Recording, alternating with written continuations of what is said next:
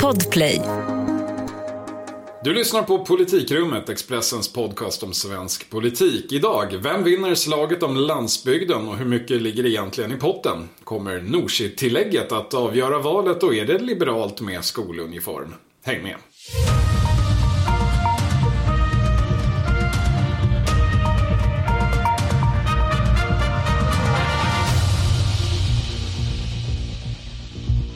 Är tisdag den 1 februari och dags för ett nytt sammanträde i Politikrummet. I alla fall för dig, Helena Gissén. Hej, hej. Och för dig, Filippa Rogvall. Hej. Och jag heter Viktor Bartkron, medverkar på distans. Hoppas det låter rimligt bra ändå. Vi slänger oss direkt in i det politiska nyhetsflödet som verkligen börjar komma igång efter jul och nyårsdvalan.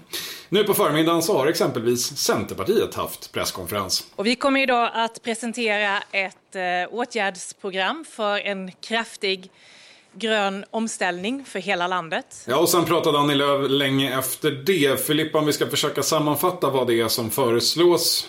Varsågod. Ja, men det är den här heta drivmedelsfrågan som Centerpartiet har kommit med sin egen lösning på. De vill sänka alltså, skatten. Alltså heta frågan för att drivmedlet är dyrt helt enkelt. Det är väldigt dyrt och det är framförallt en hög efterfrågan på biodrivmedel i världen just nu som gör att priset blir ganska högt när man ska ha den här reduktionsplikten som vi har i Sverige, att man blandar in förnybara drivmedel i bensin och diesel. Och Centerpartiets lösning på det är att sänka skatten på biodrivmedel. Och den här beräkningen de gör är att det skulle vara en sänkning med en krona per liter diesel, 33 öre för bensin. Och då har ju det här föranletts av eh, förslag från både Kristdemokraterna och Sverigedemokraterna. Och deras eh, förslag går ut på att sänka reduktionsplikten istället, alltså andelen biodrivmedel som ska blandas in. Motsvarande runt 3 kronor vid pumpen då per liter diesel. Och det tyckte Annie Lööf var ett skott mot klimatpolitiken. Okay. Och det här förslaget eh, som de kom med idag det var också ökad inhemsk produktion av biodrivmedel, fördubblad dieselnedsättning för jordbruk, höjda reseavdrag på landsbygden och så vidare. Så att de presenterade ett helt paket för de här, den här viktiga väljargruppen. Ja, en viktig grupp för eh, särskilt Centerpartiet åtminstone historiskt. Helena, vad är det som gör att det här kommer just nu då? då? Är det bara prisnivåerna som eh, detta är en djupt känd reaktion på, eller finns det mer? Ja, det där är ju naturligtvis en eh, grund eh, till det hela men det, de är ju oerhört stressade i Centerpartiet just nu. Det är ju många faktorer här som spelar in. Vi ska ju komma ihåg att väljarstödet för, för eh, Centerpartiet har ju legat stadigt på 8, 9 och ibland högre procent och har nu sjunkit ner till 6 procent plötsligt så att det där är ju en stressfaktor. Sen finns det ett internt uppror där det kokar då bland gamla kärnväljare. Lantbrukare larmar ju om inte bara bränslepriser utan även elpriser som gör det jättesvårt att driva gårdar och lantbruk och sådär. Och sen har det nyss kommit en opinionsmätning i Land Lantbruk som visar att Sverigedemokraterna är större än Centerpartiet bland lantbrukare. Alltså det parti som Centern har lagt all kraft på att isolera. Och till råga på allt inför deras kommundagar nu i helgen då så är det två tunga partidistrikt eller länsförbund som det heter i Centern som enligt en artikel i Dagens Industri i alla fall eh, just före de här kommundagarna eh, som ska vara med start på fredag har skrivit till partistyrelsen och krävt någon form av agerande för just de skenande bränslepriserna. Så det finns en frustration över att de andra partierna lägger fram det ena förslaget efter det andra och Centern har liksom inte haft något motbud här. Men frågan är ju hur ska hon få igenom det här? Hon är ju singel i svensk politik kan man ju säga. Ja, hittills har vi inte hört något från Moderaterna. De kanske nappar. Lite svårt att se det kanske. Det, det, det ska väl sägas, det, det är ju inte det, det, är ju en, även om gruppen lantbrukare inte är den största eh, gruppen i svensk politik nu för tiden så, så är ju, symboliken i det här är ju dubbel. Dels handlar det ju om att Sverigedemokraterna är Centerpartiets stora nemesis i svensk politik. Men det var ju också bara så att våra yngre lyssnare är med på det. Det var alltså lantbrukarna som grundade det här partiet. Som heter Bondeförbundet för. Jag är ändå inte så gammal att jag var med på den tiden. Men eh, ja, eh, det, det, är klart att det där kan vara en stress. Men om vi tittar lite bredare på den här frågan. Så det är ju det här att jaga, och du var inne på det också Filippa. Att jaga den här gruppen som vi lite fördomsfullt kan kalla för väljarna ute i landet. Eh, det gör man nämligen i politiken det, här, det, det, har ju blivit väldigt, eh, väldigt populärt på senare år. Det började ju egentligen på allvar runt 2016 när eh, Brexit-sidan vann folkomröstningen i Storbritannien och Donald Trump valet i USA. Och reaktionen i, i, alla, ja, i stora delar av Europa tror jag, men inte minst i Sverige var ju att detta berör oss, rätt eller fel. Vi måste förhindra en motsvarande utveckling. Stefan Löfven nobbade Almedalen för det var så elitistiskt och han började åka runt i bruksorter istället och visa att hela landet skulle leva. Kristdemokraterna började prata om det svenska hjärtlandet som ju var en direkt import från den amerikanska högern. Väldigt mm, mytologiskt det där hjärtlandet. Man har inte riktigt lyckats förklara vart det ligger än så länge. Men de här partierna är heller inte ensamma. Helena, just nu är det väldigt många om det här budet, skulle man nästan kunna säga. Ja men verkligen, det är ju väldigt stor uppmärksamhet i största allmänhet faktiskt just nu kring glesbygdsfrågor. Vänsterpartiets Nooshi Dadgostar har ju varit ute i landet och rest väldigt mycket för att hon vill locka manliga väljare i bruksort. Det har varit ganska uttalat. Och eh, det görs stora reportage om hur partierna satsar. Till exempel Kristdemokraterna som nu vill bli ett landsbygdsparti. De har erövrat eh, den tidigare centerpartisten Staffan Danielsson som ju lämnade Centern för att hans invandringskritik inte gick hem där. Eh, han blir intervjuad i tidningarna, eh, flera andra också. Sverigedemokraterna har nu plockat fram eh, Mattias Karlsson som ny glesbygdspolitisk talesperson, han som brukar kallas för deras chefsideolog. Så att det är ju mycket på det här temat just nu. Medan Moderaterna mm. vill ta makten i Stockholm igen eller? Ja, Kanske. De, de har väl fått en del intern kritik för att de är för dåliga på det i alla fall. För de har ju också varit ute och vevat. Det är mycket jaktbilder på Ulf Kristersson och Ebba Busch tillsammans. Och man profilerar sig mycket utåt landet. Försöker i alla fall. Men eh, eh Filippa, ibland låter det i debatten som att det bara finns två väljardemografier i Sverige. Alltså det är antingen bor folk på Södermalm i Stockholm och är jätteurbana. Eller så är det ytterknäcke i Bergslagens inland. Där folk bor med sju mil till närmsta pump. Så ser det ju inte riktigt ut i Sverige egentligen. Men om vi pratar om det här med glesbygdsväljarna som många gör nu. Eh, ofta ganska slängigt men finns det några siffror på vad, hur många handlar det om egentligen? Ja, alltså jag har försökt ta reda på det här och det finns verkligen olika definitioner. Statistiska centralbyrån, de uppger att 88 procent av svenskarna bor i en tätort, men då räknar de orter med eh, fler än 200 invånare. Eh, och det kanske inte alla skulle klassa som en metropol. Ehm, men det skulle i så fall innebära att runt 12 procent bor på glesbygd. Sen finns det en FNs definition som går helt i motsatt riktning och de anser då att en storstad har mellan 5 till 10 miljoner invånare. Ehm, medan en medelstor stad har mellan 1 till 5 miljoner invånare. En vanlig stad eh, uppemot en miljon invånare. Så att enligt deras modell då skulle hela 76 procent av Sveriges befolkning eh, klassas som lantisar. Men sen den tredje definitionen som jag kanske kände passar bäst i det sammanhanget, det, det, är Hela Sverige ska leva, en organisation som jobbar med de här frågorna som redogör för den. Och den användes då i regeringens landsbygdsprogram mellan 2014 och 2020. Och då definierar man landsbygd som områden utanför tätorter med mer än 3000 invånare.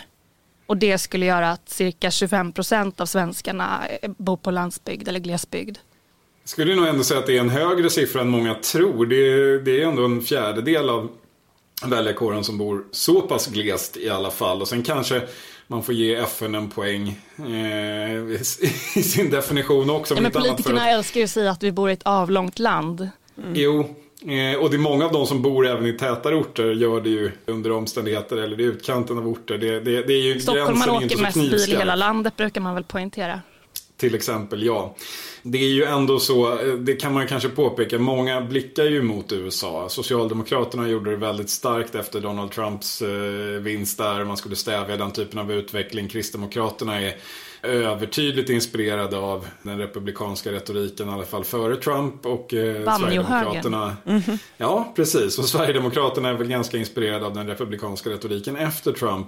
Som mycket går ut på det här med hjärtlandet och de dumma storstäderna och så. Det är en skillnad, ska man bara säga, mellan eh, amerikansk och svensk politik. Att I Sverige är det ju lite svårare att bygga ett framgångsrikt case på det här eftersom det finns inte en massa glesbygdsstater i det svenska inlandet som man kan vinna, få alla senatorer och eh, därmed ett bättre valresultat. Alla röster räknas ju på ett annat sätt. Och väldigt många människor bor trots allt i storstadsregionerna och jag menar även Sverigedemokraterna har fler väljare i Stockholm än vad de har i Bergslagen och Smålands inland även om andelen är mindre. Men ändå en spännande fråga att följa framgent.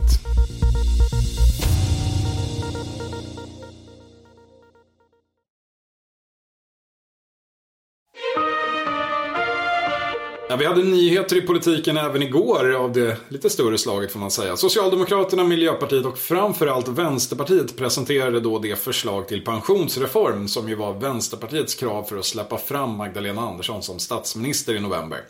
Man förhandlade då fram till kvällen före omröstningen, den första omröstningen ska vi säga, för de som minns hur det gick till.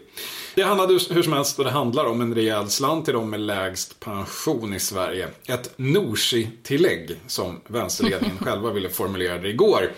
Vi får se om det ska distribueras i form av mynt med Nooshi Dadgostars ansikte präglat på eller om det bara blir en check med hennes profil eller någonting sånt. Inget förvånar väl längre när det gäller Vänsterpartiets framgångar i förhandlingar.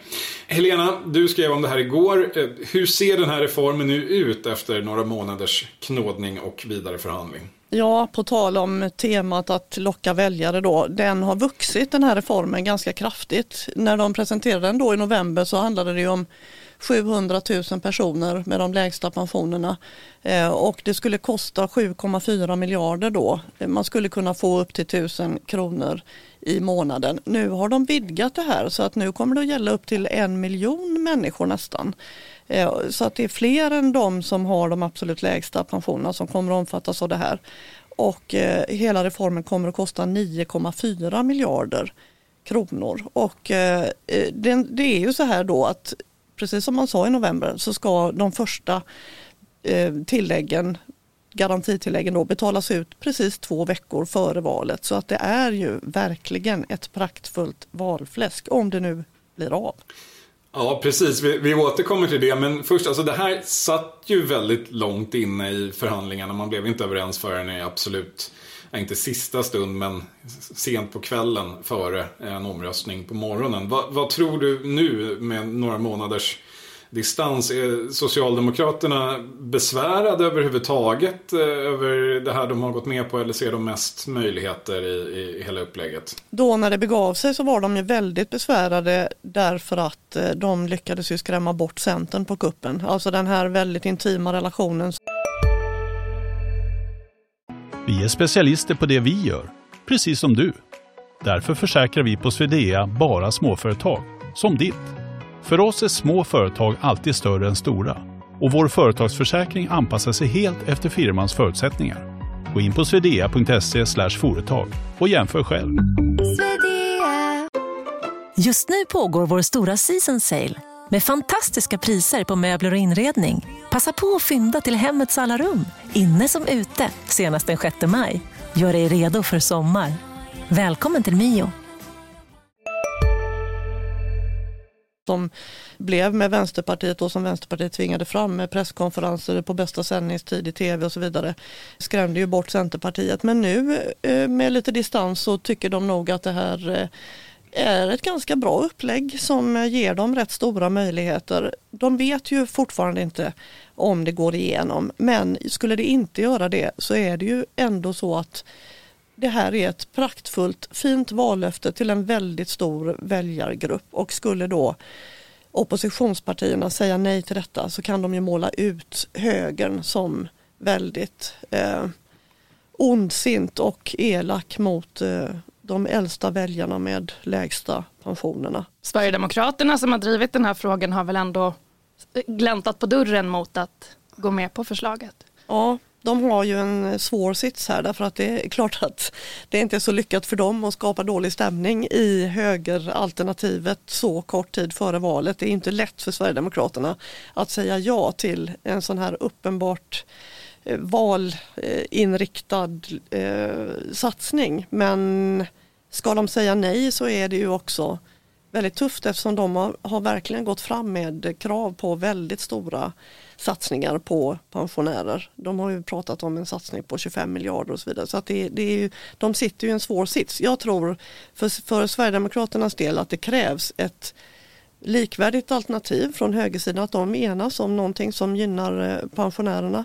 Alternativt att man upptäcker någonting i det här förslaget då som går emot deras politik på något eh, kärnfullt sätt. Då. Att det till exempel ska omfatta väldigt många utrikesfödda personer som inte har, har jobbat i Sverige alls och så vidare. Alltså det krävs nog någonting sådant för att de ska kunna säga nej utan att tappa ansiktet inför sina väljare tror jag. Så de skulle kunna kontra med ett eget förslag tillsammans med höger oppositionen. Ja, det kan man inte och, utesluta i alla fall.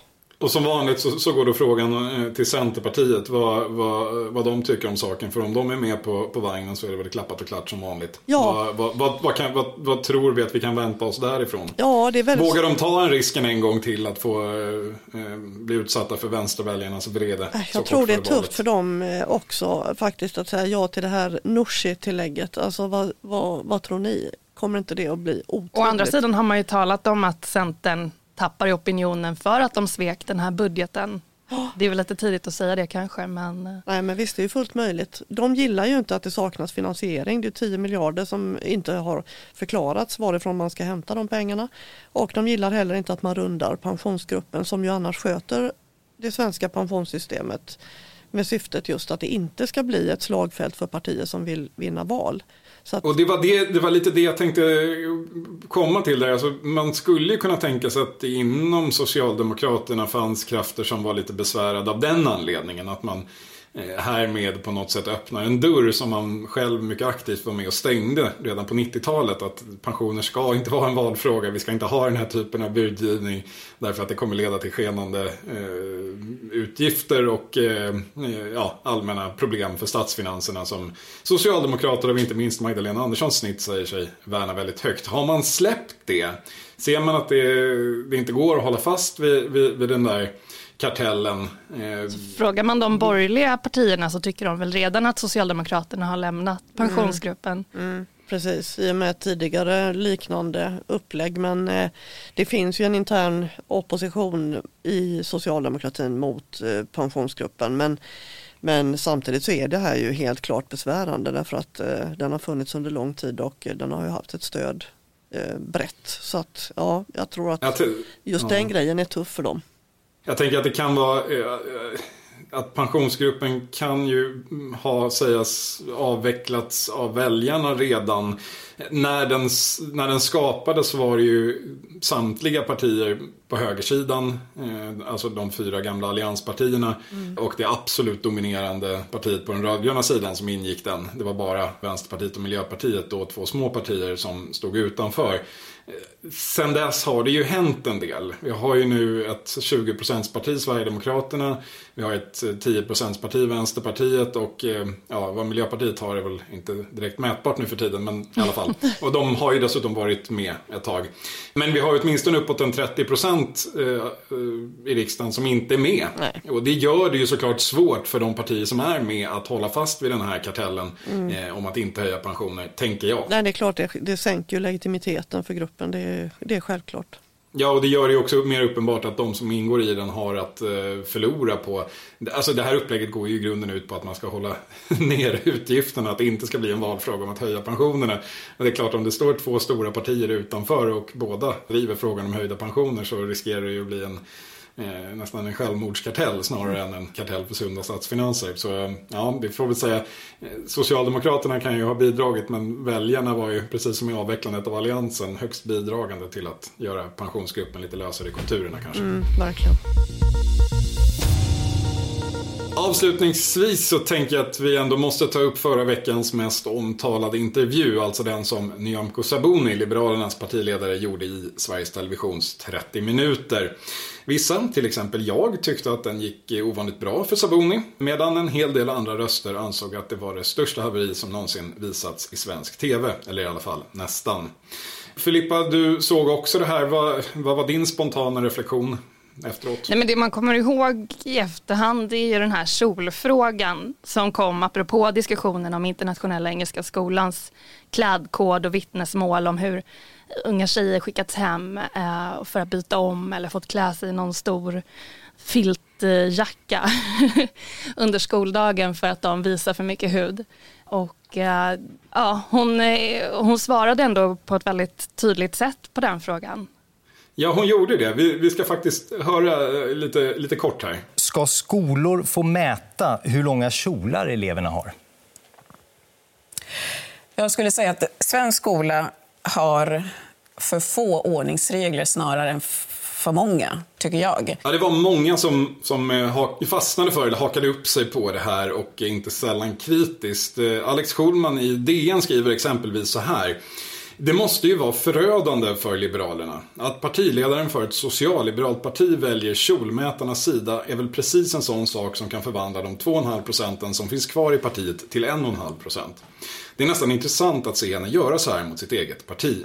Schulman skriver också att hon borde ha svarat att vi tror på människors frihet att klä sig hur de vill. Och Alice Schulman är absolut inte ensam om den här synen på situationen eller tolkningen av den men jag tror ändå att det finns ett ganska stort tankefel inblandat här och att det i själva verket är precis tvärtom.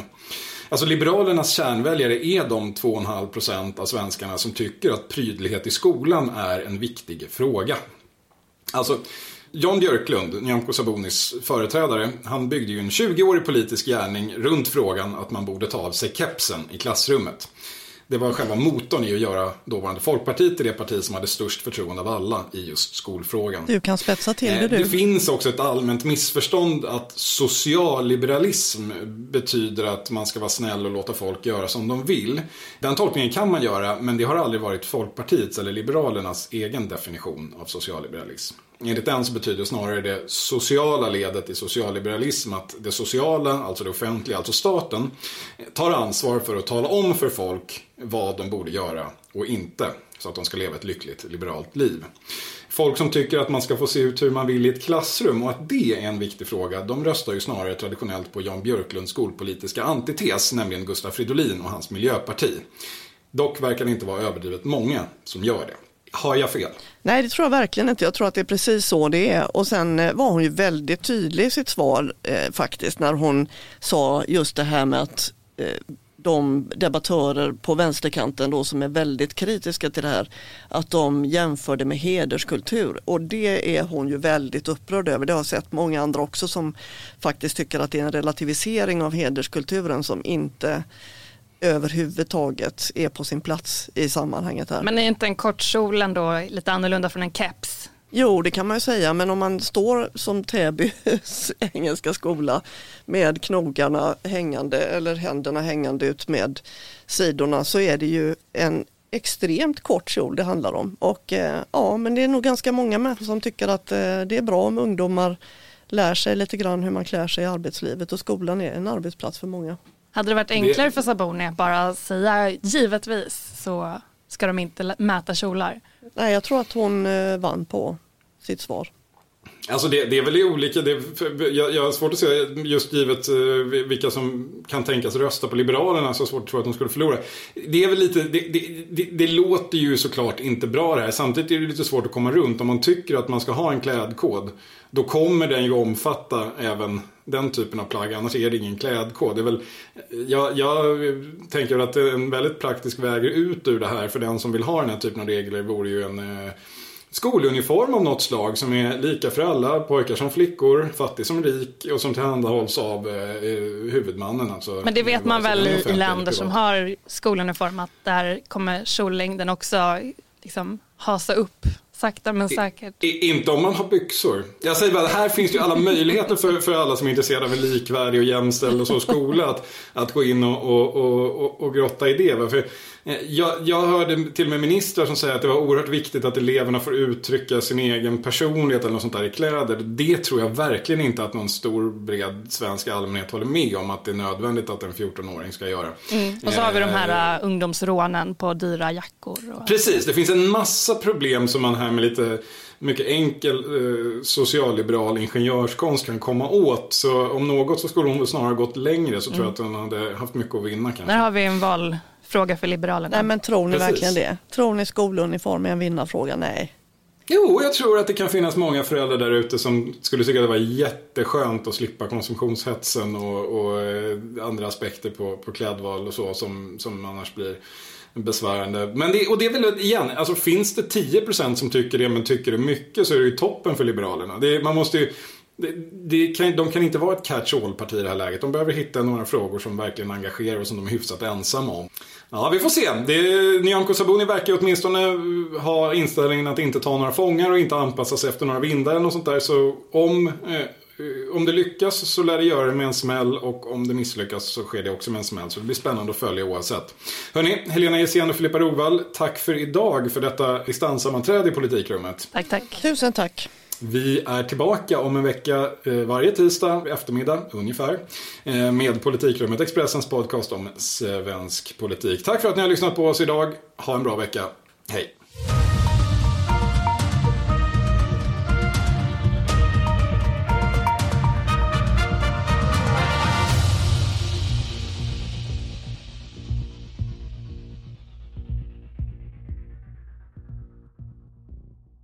Du har lyssnat på en podcast från Expressen. Ansvarig utgivare Klas Granström. CSRD, ännu en förkortning som väcker känslor hos företagare. Men lugn, våra rådgivare här på PWC har koll på det som din verksamhet berörs av. Från hållbarhetslösningar och nya regelverk till affärsutveckling och ansvarsfulla AI-strategier. Välkommen till PWC.